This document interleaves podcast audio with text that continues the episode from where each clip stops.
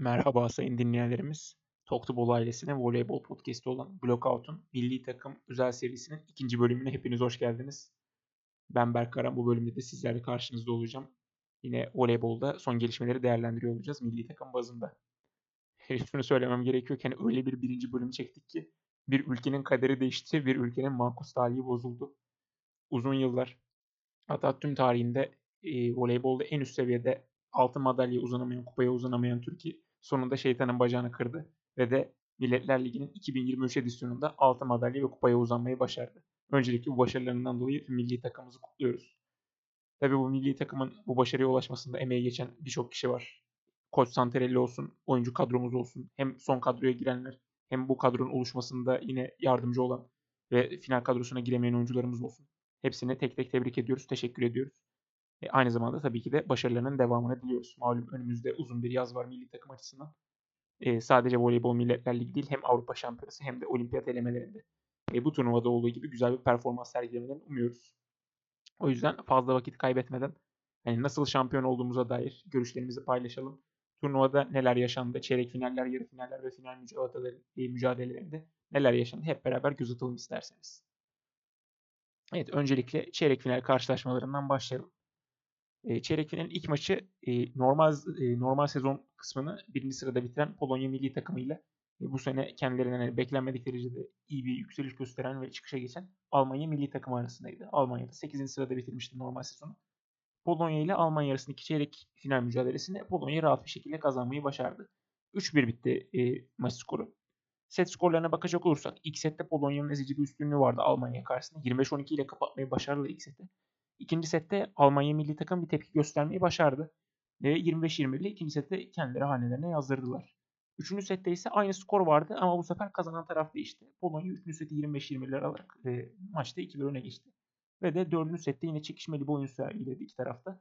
Ama yine bu sette de e, kazanan değişmedi ve de Polonya Almanya'yı dördüncü sette de mağlup ederek maçı 3-1 kazandı. Ya, bir önceki bölümde de bahsettiğimiz gibi Almanya kendileri açısından bence güzel bir Milletler Ligi sezonu geçirdiler.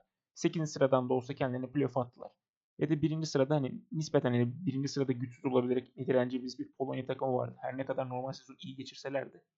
Hani en azından bir Amerika Birleşik Devletleri, İtalya, Türkiye gibi hatta Brezilya gibi hani içine de hatta dahil edebiliriz. Hani kütleşmiş uzun yıllardır buralarda yer alan takımlar yerine e, Polonya'nın yer alması da birazcık kendilerinin şansıydı. Ama Polonya çeyrek finalde hataya mal vermedi. Ve de 3-1 ile geçmeyi başardı ve yarı finale adını yazdıran iki takım oldu. İkinci çeyrek final ise ev sahiplerinin maçı vardı. İkinci sırada bitiren, e, normal sezonu ikinci sırada bitiren Amerika Birleşik Devletleri takımı normal sezonu 7. sırada bitiren Japonya milli takımı ile oynadı. Yine Amerika açısından kolay bir maç gibi gözükse de hani yine çekişmeli skorlar gördük. Ama onlar da rahat bir şekilde kazanmasını bildiler. İlk iki seti 25-23 ve 25-20 ile almayı başardı Amerika Birleşik Devletleri milli takımı. Üçüncü sette Japonya biraz tepki gösterdi, reaksiyon gösterdi. Ve seti 25-18'de almayı başardılar. Ama dördüncü sette, üçüncü setteki skorun aynısını yemekten kurtulamadılar ve dördüncü sette 25-18'de kaybeden Japonya milli takımı çeyrek final aşamasında turnuvaya veda etti. E, ev sahipleri Amerika Birleşik Devletleri ise ismini yarı finallere yazdırdı. İlk günün mücadeleleri sonucunda. E, tabii Polonya ile Amerika Birleşik Devletleri takımı farklı ağaç, yani turnuvanın farklı ağaç tarafında yer aldığı için onlar da rakiplerini beklemeye koyuldu. E, Polonya'nın rakibi Brezilya için eşleşmesinden gelecekti. Normal sezonu 4. sırada bitiren Brezilya milli takımı ile 5. sırada bitiren Çin milli takımı yani güzel bir maç olmasını bekliyorduk. Zaten 4. ve 5. sırada bitiren takımların maçının çekişmeli olmasını beklersiniz. Brezilya'da zaten son hafta hani beklenmedik mağlubiyetler almıştı. Gabi'nin e, form durumu bir miktar şüpheliydi. Zaten 3. hafta takıma katıldığı için ne kadar katkı verebileceği merak konusuydu. Diğer tarafta ise Çin milli takımı yani bir toparlanma süreci içerisindeydi. Her ne kadar yıldız smaçörleri Zuting kadroda olmasa da yine en azından hani orta oyuncu Yuan Xinyue'nin performansı zaten gittikçe yükseliyordu. Zaten bu maçta da etkisini gördük. Aynı şekilde hani Gabi ayarında bir smaçör olan belki de hani işte Çin'de çok adını duymadığımız bizim en azından Li Yingying de bir smaçör olarak Çin'in e, skor yükünü en isimler arasındaydı. Maçta da hani çeyrek finaller aşamasının tek sürpriz sonucu olarak nitelendiğimiz bir sonuç yaşandı. Ve de Çin Brezilya'yı 3-1 ile geçmeyi başardı. Brezilya'da uzun zamanlardan sonra bir milli takım turnuvasında ilk kez final göremediler. Çeyrek final aşamasında turnuvayı nispeten erken olarak nitelendirebileceğimiz bir aşamada veda ettiler. İlk seti 25-21 ile aldı Çin. İkinci seti ise 25-20'lik bir skorla aldı. diğer maçlarda olduğu gibi, diğer çeyrek final maçlarında olduğu gibi 3. sette kaybeden takımın bir reaksiyon verdiğini gördük. Brezilya 3. seti 25-20'lik 25-20'lik bir skorla almayı başardı. Ama son sette çekişmeli geçen oyunun sonunda için 25-23 ile Brezilya'yı turnuvanın dışına itti. E, Brezilya için tabii ki de dediğimiz gibi hani birazcık beklenmedik bir sonuç oldu. Onlar en azından kendilerini yarı finalde görmeyi umuyorlardı. Belki yarı finalde hatta hani e, bir önceki bölümde benim de bahsettiğim gibi turnuva ağacının biraz daha e, sürprizlere açık olan tarafındaydı bu ekipler. Hani Polonya, Almanya, Brezilya için dörtlüsünden biri final görecekti. Ve Polonya'nın da hani kritik maçları e, son zamanlarda oynamadığını söyleyecek olursak yarı final maçında tecrübe eksikliğinden kaynaklanan bir elenme yaşayabilirdi Polonya. O yüzden bu Brezilya için müsabakasının galibi e, final görebilmek için şanslı taraftaydı. Ben açıkçası burada Brezilya yani şansını kullanır diye düşünüyordum. Zaten hani yıllardır buraları iyi oynuyorlar ama Çin milli takımı bu maçı kazandı ve de yarı finalde Polonya milli takımına rakibi oldu. E, son çeyrek final müsabakasında ise milli takımımız İtalya karşısındaydı. Zaten milli takımımız buraya az kadroyla geldi. E, az kadroda tabii bir miktar değişiklikler yapıldı daha önceki senelere göre. E, öncelikle bunlardan bahsedelim. Az sponsor olarak bu eleme playofflar boyunca az sponsorumuz olarak Elif Şahin oynadı. Onun dışında e, smaçör rotasyonunda şöyle şeylere gittik. E, pasör çapraz olarak Melisa Vargas'ı oynattık haliyle. Kendisi zaten normal sezonun ilk iki haftasında çok iyi hücum yüzdeleriyle oynuyordu. O yüzden kendisini başlatmamıza tabii ki de sürpriz olmadı. E, smaçörde şöyle deneyişlere gittik. E, normalde aslen pasör çapraz olarak oynayan Ebrar Karakurt'u zaten e, antrenmanlarda biz köşe oyuncusu olarak deniyorduk. Ebrar Karakurt'u smaçör olarak oynatmayı tercih ettik. Yanındaki isimde de yani esnek esnek bir uygulamaya gittik. Bazen İlkin Aydın'ı bazen de Derya Cebecioğlu'nu oynatmayı tercih ettik. İkisi de zaten hücum yönü güçlü olan smaçörler. Ama hani dediğimiz gibi İlkinin manşeti o kadar sırıtmasa da Derya Cebecioğlu ve Ebrar Karakurt ikilisinin manşeti bir miktar sırıtıyordu. Ve bir önceki bölümümüzde kadroyu yorumlarken bahsettiğimizde şöyle bir olay vardı. Biz buraya kadroya da 3 tane libero götürdük. E, sadece 2 kişi libero forması giyebiliyor. Bu yüzden liberolarımızdan biri smaçör forması gerek smaçör olarak oynamak zorundaydı aslında. Biz de bunu tam olarak e, bu smaçörlerimizin, asıl smaçörlerimizin manşet zafiyetini kapatmak için yapmışız. Yani genelde e, as smaçör olarak Gizem Örge'yi tercih etti Daniele Santrelli. Onun dışında libero forması giydirdiği ikinci kişi ise ikinci isim ise Simge Aköz oldu. Gizem Örge'yi oynattığı için Simge Aköz o kadar forma şansı bulmadı. E, smaçör forması giydirdiğimiz liberomuz ise Ayça Aykaç oldu. E, bu birazcık da zaten e, Santarelli'nin e, liberolar açısından hani önem sırasını gösteriyor gibi. E, daha tabii konuşmak için erken ama ilk turnuvada gösterimine bakacak olursak e, liberoları kendi açısından sıraladığında hani Gizem Örge, Ayça Aykaç ve Simge Akgöz üçlüsünü bu sıraya tercih ettiği gözüküyor.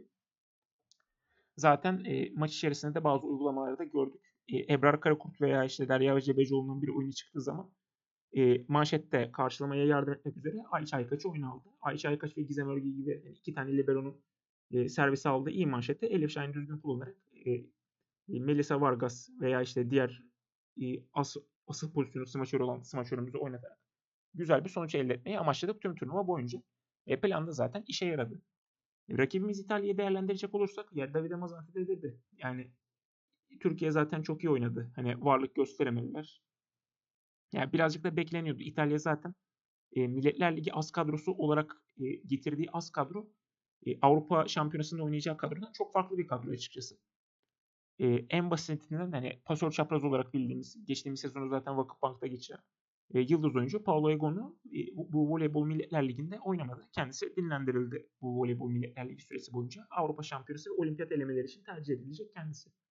Onun dışında takımın as maçörlerinden e, Katerina Bozetti de aynı şekilde oynatılmamıştı. Yine takımın as pasörü olan Alessia Oro ise yine e, Milletler Ligi'nin bu aşamalarında tercih edilmeyen isimler arasındaydı. O yüzden İtalya'nın hani az kadrodan hani uzak olduğunu söylememiz yersiz olmaz. E tabi liberolardan Monica De Gennaro da oynamıyordu. Her ne kadar Avrupa Şampiyonası kadrosunun alınmayacağı söylense de. E, Monica De Gennaro ve her ne kadar yine aynı şekilde Monica De Gennaro gibi Avrupa Şampiyonası kadrosunun alınmayacağı söylenen Christina Kirkela'da e, bu takımın isimler arasında değildi. Bu turnuvada oynayan isimler arasında değildi. Geçtiğimiz sezon halbuki şampiyonluk yaşayan kadronun oyuncularıydı bu saydığım isimler. E, takımda kimleri hani vardı yıldız olarak? E, bir smaçör olarak Miriam Sile vardı. Onun da zaten dengesiz performansını zaten kulüp sezonunda da konuşmuştuk. Bazen çok gününde bazen işte gününde değil. Takım kaptanı olarak da zaten kendisini seçmişlerdi. E, aynı şekilde orta oyuncularda Anna Denesi vardı. Ama ikisinin de açıkçası çok da bir çaba gösterdiğini görmedik ve milli takımımız çok rahat bir şekilde İtalya engelini geçmeyi başardı. set skorlarını verecek olursak da 25-20, 25-15 ve 25-18'lik 3 net set skoruyla beraber İtalya'yı turnuvanın dışına itmeyi başardık ve yarı finale yükseldik. Tabi burada hani İtalya gibi bir takımı yendiğimiz için de e, dünya sıralamasında iyi puanlar elde ettik. Bölümün sonunda da zaten dünya sıralamasında ne gibi değişiklikler yaşandığını yine değiniyor olacağız. O zaman hani yarı final müsabakalarına geçelim. Yarı finalde normal sezonu lider bitiren Polonya ile normal sezonu 5. sırada bitiren Çin oynuyordu. Bu ilk yarı final eşleşmesinde hani bahsettiğimiz gibi Polonya'nın bu kritik aşamaları ne kadar iyi oynayacağı bir miktar şüpheliydi. Karşı tarafında da en azından her ne kadar son zamanlarda birazcık dalgalı performans gösteren bir milli takım olsa da Çin artık hani olimpiyat döngüsünün sonuna yaklaştıkça 2024 Paris olimpiyatlarına yaklaştıkça az kadroyu şekillendirmişe benziyor. Takım da zaten çok düzgün bir şekilde oynuyordu. Ee, takımın performansından bahsedecek olursak zaten takımın pasörü Diaolinho yine iyi bir performans sergiledi. Yine biraz önce bahsettiğim gibi hani zaten daha sonra rüya takıma da seçilecek olan smaçörlerden Lee Yingying ve de yine aynı şekilde orta Yuan Shinyo ikilisi yine etkili bir performans gösterdi ve Polonya'yı 3 sette net bir şekilde turnuvanın dışına itmeyi başardılar. İlk seti 25-18 ile aldılar. İkinci ve üçüncü setlerde daha çekişmeli bir oyun gözledik. Ama ikinci ve üçüncü setlerde de Çin 25-23 e, skorlarla Polonya'yı geçerek 3-0'la kendilerini e, ilk Milletler Ligi finalinde buldular. 5. edisyonu düzenlenen bu Milletler Ligi'nde Çin ilk defa finale ulaşmayı başardı. Polonya'yı yarı final turnuvanın dışına iterek. Diğer tarafta ise asıl bizim beklediğimiz yarı final eşleşmesi vardı. Amerika Birleşik Devletleri ile milli takımımız oynayacaktı. E, maça gelmeden önce tabii ki yeni bazı istatistiksel değerlendirmeler yapılıyordu ve e, şu da belirgin hani son birkaç maçtır hani yaklaşık 10 maçta Amerika Birleşik Devletleri'ne karşı oynadığımız maçlarda bir türlü kazanamıyorduk. E, zaten turnuvanın ilk etabında da Antalya'da oynadığımız maçı da 3-2 kaybetmiştik. Ama o güne göre yine geliştiğimiz açık açısı hani açıkçası bariz bir şekilde geliştiğimiz söylenebilir. Takımımıza zaten buraya hani başka bir amaçla değil şampiyon olma amacıyla gelmişlerdi. O yüzden zaten yarı finalde bir Amerika Birleşik Devletleri yenilgisinin yine hayal kırıklığı olacağını düşünüyorlardı. O yüzden takımımız Amerika Birleşik Devletleri engellerini mutlak bir şekilde geçmeye çalışacaktı. Takımımız da zaten inanılmaz bir performans sergiledi yine. E, son yıllarda gördüğümüz en iyi en dengeli milli takım performansı. Hani hem servislerimizde az hata yaptık hem de servislerimizi etkili kullanarak karşı tarafın manşet hattını zayıflattık. E, değerlendirecek olursak zaten hani Amerika'da olimpiyat şampiyonu olmuş kadrodan oyuncular da vardı Milletler Ligi'nin bu az kadrosunda. E, mesela o olimpiyat şampiyonu olan kadronun liberosu olan Justin Vongorantez'in zorlandığını gördük bizim servislerimiz karşısında. E, zaten smaçörlerin de e, manşet yetenekleri kısıtlı olduğu için Amerika Birleşik Devletleri'nin bu yeni jenerasyonda gayet sıkıntı yaşadılar. E, bahsettiğimiz hani yıldız oyuncuları Jordan Larson da zaten e, finaller kadrosunda değildi. O yüzden smaçörlerde de bir manşet zafiyeti vardı. Üstüne bir de Libero'nun da çok iyi performans gösteremesi eklenince pasöre gelen paslar tabii ki de kötü oldu. Pasörde de e, Lauren Carlin'i yerine Micah Hancock'ı tercih ettiler e, pasör pozisyonunda. Micah Hancock'ın pasları da açıkçası çok iyi olmayınca ve yanlış pas tercihleri yapınca e, bu tabii ki de Amerika Birleşik Devletleri'nin hücum oyuncularına, bizim milli takımımızın orta oyuncularına veya smaçonun e, bloklarına karşı e, zarar ne diyeyim e, zarar görebilir hale getirdi. E, bunun da etkisiyle tabii ki de bloklarımız çalıştı. Blok defans grubumuz gayet iyiydi. Amerika Birleşik Devletleri ise sıkıntılar yaşadı. İlk sette 25-21 ile 25-21'lik bir skorla kazandı milli takımımız. Ama asıl performansımızı ikinci sette gördük. Yani dediğim gibi her şeyimiz çalıştı gerçekten. Hani servislerimiz düzgündü. Bloklarımız da senin aynı şekilde hücumlara da yine iyi yaptık. Yine Melisa Vargas, Ebrar Karakurt ikilisi çok fazla pas aldılar. Özellikle hani birinci set üzerinde Melisa Vargas, ikinci set üzerinde ise yani Ebrar Karakurt'un e, çok iyi bir performans gösterdiği bir kısımlar vardı. Oraları çok iyi kullandık ve ilk iki seti kazanmayı başardık.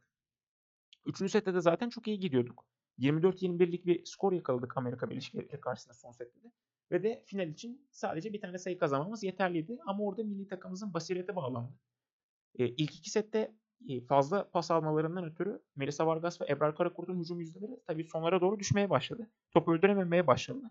Burada da zaten gördük. Üçüncü setin son kısımlarında e, Elif Şahin pas tercihinde Melisa Vargas yerine hani Derya Cebecioğlu veya Ebrar Karakurt'u tercih etti. İkisinin de hücum yüzdesi o son kısımlarda düştüğü için ya blok yedik ya öldüremedik. Top bir şekilde döndü. Biz savunamadık. Arka arkaya 5 sayı vererek 26-24'te seti kaybettik. Takımımızın da tabii buraları düzgün oynaması önemliydi. Yani zaten dediğimiz gibi hani önceki yıllarda bu takımlarla yine başa baş oynayabiliyorduk ama kritik anları oynayamıyorduk. Özellikle karar setlerinde bir zafiyetimiz vardı. Karar seti gördüğümüz zaman çoğunlukla kaybediyorduk. O yüzden yine bu aşamaya gelmek istemedik. Dördüncü sette de yine açıkçası benzer şeyler yaşadık. Yine aynı şekilde maç sayısı yakaladık. Üçüncü sette de öndeydik. Dördüncü sette de yine öndeydik. Yine maçı bitirme şansı yakaladık ve yine aynı şekilde maçı kapatamadık bir türlü. Orada en azından e, şunu söylemem gerekiyor ki hani koç değişikliğinin burada etkisi oldu. Hani eskiden böyle bir durum yaşansa Giovanni Guidetti biraz daha takımın motora düşürüyordu. Arka arkaya sayılar kaybedilince hani e, takımımızı cesaretlendirmek yerine hani birazcık sessiz kalarak hani performansınızın kötü olduğunu görün ama yapacak çok da bir şey yapmıyordu. Hani çok da takımı morallendirme gibi şeylerde bulunmuyordu. Hareketlerde bulunmuyordu. Ve bunun da etkisi tabii oyuncularımıza negatif olarak yansıyordu. Oyuncularımız da zaten hızlı olarak, moral olarak oyundan düşebilen kişiler. Ve özellikle mesela Ebrar Karakurt hani çok hızlı bir şekilde iyi performans gösteremediğinde oyundan düşüyor. Performansı da gittikçe kötüleşiyor. Ve bunun bir benzerini dördüncü sette yaşayabilirdik. Ama burada hani hem üçüncü sette hem dördüncü sette Daniele Santarelli arka arkaya maçlarını kaybettiğimizde bile oyuncuların yani hep sakin önümüzde bir sayı daha var şeklinde telkinlerde bulunarak oyuncuları mental olarak rahatlattı. Bu en azından mental olarak rahatlatmalarının da başarılı olduğunu 4. seti 27-25 kazanarak gördük. E, her ne kadar set sonunda sıkıntılar yaşasak da set sonunda bir şekilde oynamayı başardık. Ve de 4. seti aldık. Maçı da 3-1 ile kazandık. Amerika Birleşik Devletleri karşısındaki yani o uzun makus talihimizi bozduk. E, Amerika Birleşik Devletleri'nin bizim karşımızdaki yenilmezliğini aynı zamanda sona erdirdik. Ve de milli takımımız 2018'den sonra bir kez daha Milletler Ligi'nde finale çıktı. E, şöyle bir tesadüf de vardı ki 2018 yılında Milletler Ligi finalleri Çin'de oynanıyordu. Biz de finalde Amerika Birleşik Devletleri'ne yenilmiştik. Bu sefer de e, Amerika Birleşik Devletleri'nde oynanan e, Milletler Ligi finallerinde Çin'le oynayacaktık. Birazcık rolleri değiştirdik bu taraflarda. Milli takımımıza tabii hani artık bu Amerika Birleşik Devletleri galibiyetinden sonra artık hani hem taraftar olsun hem kendileri olsun zaten oyuncularımızın e, gittikçe kupaya inanmaya başladılar. Zaten Amerika Birleşik Devletleri maç sonu röportajlarında şunu gördük ki hani Derya Cebecioğlu'nun hani belki de uzun yıllar unutulmayacak bir açıklaması vardı. Hani çok heyecanlıydı. Nefes nefese bir şekilde e, röportajda röportaj alanına geldi. Ve kendisi dedi ki hani artık rakibimizin kim olduğu hani önemli değil. Biz sadece altın madalya kupayı kazanmak istiyoruz. Hani topu kırmak için sahaya çıkacağız tarzında e, e, taraftar gaza getirecek ateşli açıklamalar yaptı. Zaten sosyal medyada çok konuşuldu, çok paylaşıldı bu açıklamalar Derya Cebecioğlu.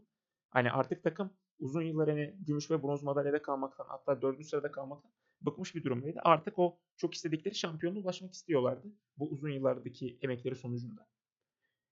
Ve de hani bir sonraki gün şampiyonluk parolası bizim takım milli maça çıktı. Tabi final maçından önce bir üçüncülük maçının oynanması gerekiyordu. Bu üçüncülük maçının da şöyle bir önemi vardı. Bizim milli takımımız e, turnuvada Amerika Birleşik Devletleri ve İtalya gibi hani iyi ve son zamanlarda hani yenildiğimiz rakiplere karşı galibiyet aldığımız için dünya sıralamasında çok daha fazla puan alıyoruz böyle kritik maçlarda. Aldığımız puanların değeri çok fazla oluyor. Aynı şekilde kaybettiğimiz maçlarda da çok fazla puan gidiyor. E, bu maçlarda Amerika Birleşik Devletleri ve İtalya'yı yenerek çok değerli puanlar kazandık dünya sıralaması için. Ve dünya sıralamasında biz o sırada ikinci sıraya geldik. E, final hani final günü öncesi. Şöyle bir durumumuz da vardı. Amerika Birleşik Devletleri'nin Polonya'ya kaybettiği sürece ve biz de Çin'i yendiğimiz sürece dünya sıralamasında birinci sıraya çıkma şansımız vardı. O yüzden Polonya Amerika Birleşik Devletleri e, bronz madalya mücadelesinin de sonucunu biz de merakla bekliyorduk. Polonya ile Amerika Birleşik Devletleri de gerçekten çok çekişmeli bir maç oynadılar. Tabii iki takımın maçı çıkmadan önce şöyle bir mantalitesi de vardı. Amerika Birleşik Devletleri zaten hani 5. edisyonu yapılan bu Milletler Ligi etkinin ilk üçünden altına dönmüşlerdi. E, bir geçen sene ülkemizde yapılan da çeyrek final aşamasında Sırbistan'a yenilmişlerdi. İlk madalyasız kaldıkları edisyon bu olmuştu. Hani her ne kadar kendileri daha önce başarılı elde etse de hani elimiz boş dönmesin kafasıyla çıktılar maçı. Diğer tarafta ise Polonya milli takımı hani koç değişimi olsun daha önceki yıllarda farklı koçlarla çalıştılar. Milli takıma küsen oyuncular oldu. E, Stefano Levareni gibi yeni bir aynı zamanda Fenerbahçe Opet'in önümüzdeki sezon e, koçu olacak kişiyi getirdiler. Böylelikle milli hani Polonya milli takımında değişik bir çehre yakaladı. Yani zaten geçtiğimiz sezonki dünya şampiyonasından beri performansların arttığını da görüyorduk Polonya milli takımı. Onlar da ilk kez böyle bir uluslararası turnuvada madalya alacak seviyeye geldi. Ve bronz madalya e, bu bronz madalya maçını kazanarak e, tarihlerindeki yani o ilk madalyaya ulaşmak istiyorlardı. Zaten Polonya milli takımı ile Amerika Birleşik Devletleri arasındaki mücadele dediğimiz gibi çok güzel bir mücadele gördük. İlk sete Polonya 25-15 ile aldı. İkinci sette Amerika hemen cevap verdi. Bir reaksiyon gösterdi ve 25-16 ile ikinci sete aldı. Üçüncü set ve dördüncü setin skorları da yine aynı şekilde yakındı. Üçüncü sette Polonya 25-19 kazandı ve 2-1 öne geçti. Ama Amerika Birleşik Devletleri 25-18 kazanarak dördüncü sette maçı 2-2 getirdi ve de maçı karar setine götürdü. Karar setinin deyince çok çekişmeli anlar yaşadı. E, Amerika Birleşik Devletleri birkaç kere maç sayısı ve bronz madalya e, sayısını yakaladılar. Ama bu fırsatları değerlendirmediler. 14-13 öndelerdi. 14-14'e getirdi Polonya. 15-14 öne geçtiler. Polonya 15-15'e getirdi. Zaten bu 15-15'e getirdikten sonra Polonya milli takım bir daha dizginleri Amerika Birleşik Devletleri'nin eline bırakmadı. Ve Polonya kendisi maçı bitirdi ve de bronz madalyalarına ulaştılar. Milletler Ligi tarihindeki ilk bronz madalyaları oldu kendileri için. Tabii bu Polonya'nın e, bu galibiyette bizi dünya sıralaması açısından sevindirdi. Biz zaten e, Çin maçı öncesi bu Amerika Birleşik Devletleri'nin bu maçtan kaybettiği puanlarla beraber e, gayri resmi olarak birinci sıraya yerleştik. E tabii Çin'e kaybetseydik yeniden ikinci sıraya düşecektik ama kısa bir süreyle zaten birinci sırayı yakaladık. Biz de artık zaten hani hem birinci sıramızı korumak için hem de e, Milletler Ligi tarihimizdeki aynı zamanda e, voleybol tarihimizdeki en büyük başarıya ulaşmak için sahaya çıkıyorduk. E, gece bir buçukta oynandı bu maç. E, şunu da belirtmem gerekiyordu. Gece bir buçukta oynanmasına rağmen maç yaklaşık 95 bin 100 bin gibi bir anlık izleyiciye ulaşıldı sadece YouTube canlı yayınında. E, aynı şekilde e, Kadıköy Belediyesi'nin hani Kalamış Parkı'nda yaptığı açık hava izleme etkinliğiyle saat gece bir buçuk olsa bile çok fazla kişinin çok fazla voleybol sever maçı açık havada sahne olursa olsun takip ettiğini gördük. Zaten ülkece kenetlenmiştik hem oyuncular olsun hem koç olsun hem seyirciler olsun. Yani buradan artık zaten hani bir mağlubiyet beklemiyorduk. Mağlubiyet istemiyorduk. Tek hedefimiz kupa ve altın madalyaydı. Nitekim biz de sona ulaşmayı başaran takım olduk. İlk sette dengeli bir oyun gördük. Set ortalarına kadar çok çekişmeliydi. Set ortalarında yakaladığımız 5-0'lık seriyle kendimizi bir miktar öne attık. O 5-0'lık avantajı da setin sonlarına doğru getirdik. 25-22'lik e, bir skorla ilk seti kazanmayı bildik. İkinci sette Çin direnç gösterdi. Hani yine dediğimiz gibi hani Yuan Xinyu olsun, Li Yingying olsun. E, gayet iyi performans gösterdiler bizim takımımız karşısında.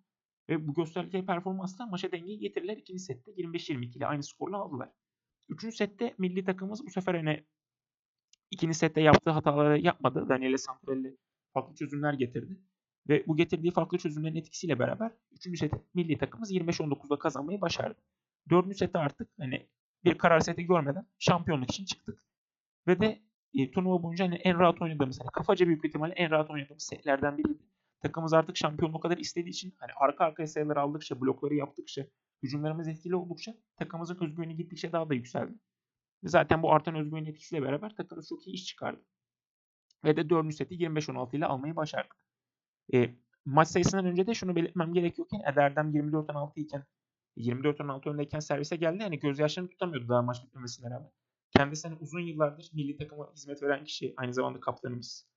Ve zaten bu jenerasyonumuz arasında en uzun zamandır milli takım formasını terleten kişi.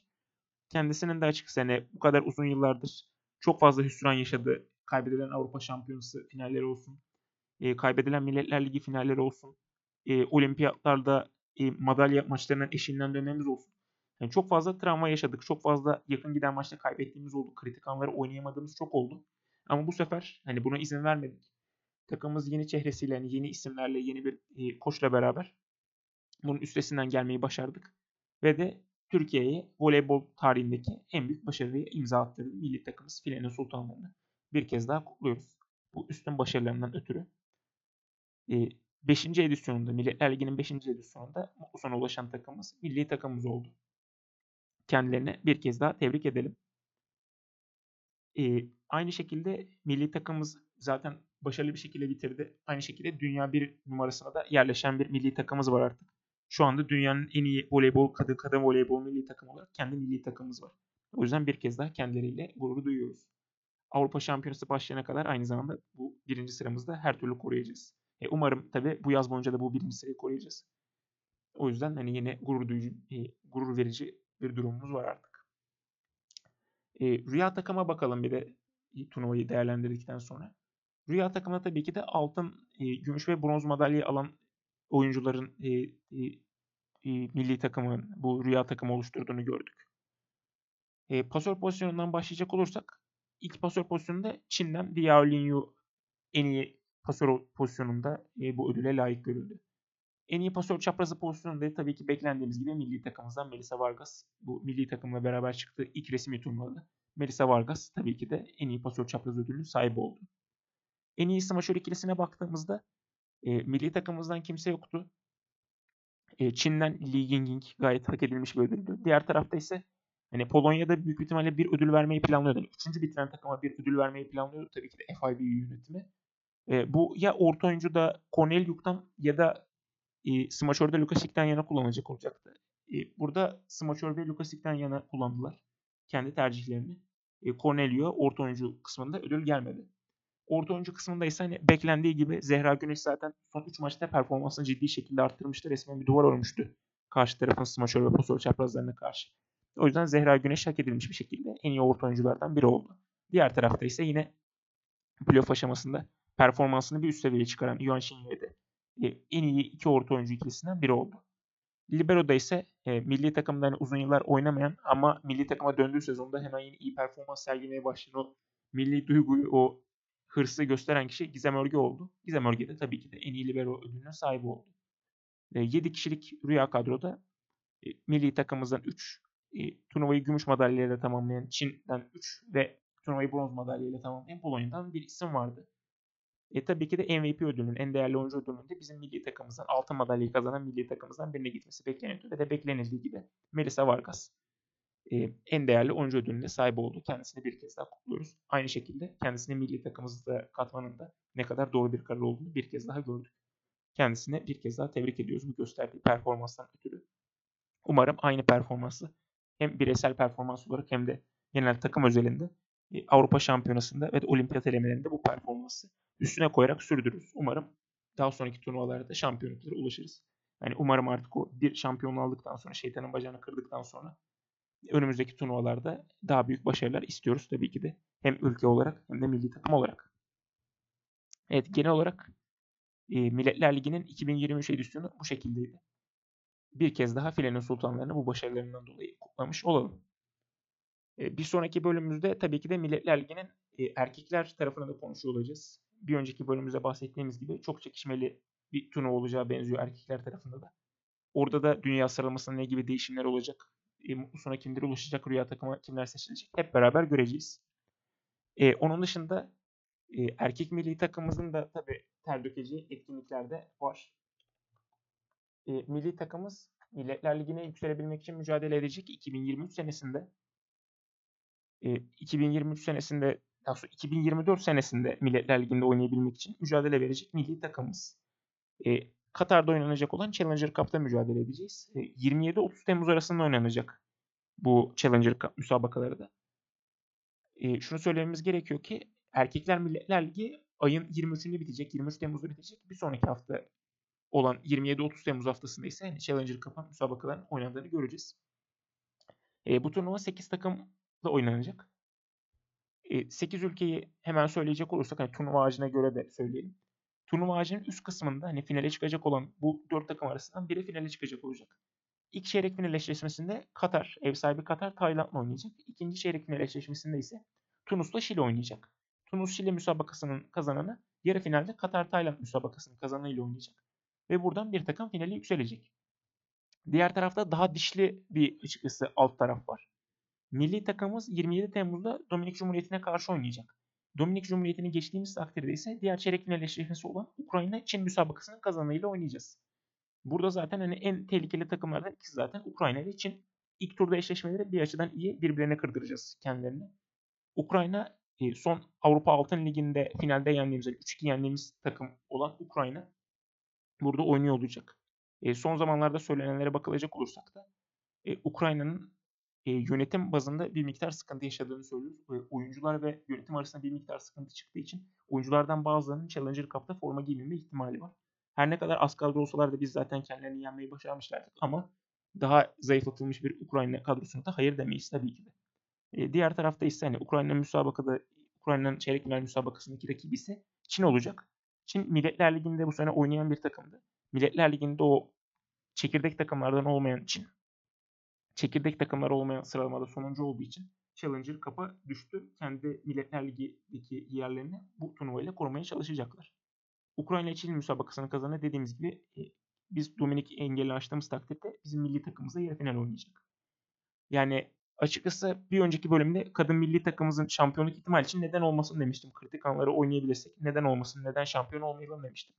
E, aynı şekilde Challenger Cup'ta da erkek milli takımımız için de aynı durum söz konusu. Hani Domini'yi geçtikten sonra Ukrayna ile için müsabakasının e, kazanını gelmemek için herhangi bir sebebimiz yok.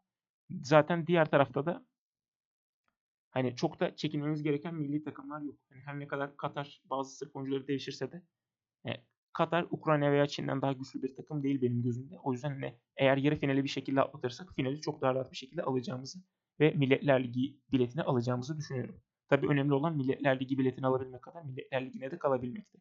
O yüzden hep beraber göreceğiz.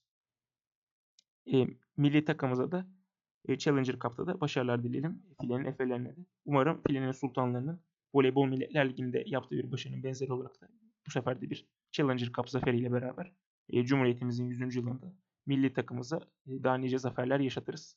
Bu performanslarımızı da Avrupa Şampiyonası'nda ve Olimpiyat elemelerinde devam ettiririz diyelim. Böyle bir temennide bulunalım. O zaman bu seferlikte bölümümüzün sonuna gelelim. Yavaştan yine 30 dakikalık dolu dolu bir bölüm oldu. Bir, bir sonraki bölümümüzde görüşmek üzere efendim. Erkekler Milletler Ligi ve Challenger Cup'ı değerlendirdiğimiz bir sonraki bölümümüzde. Görüşmek üzere diyelim efendim. O zaman voleybolla kalın efendim. Görüşmek üzere.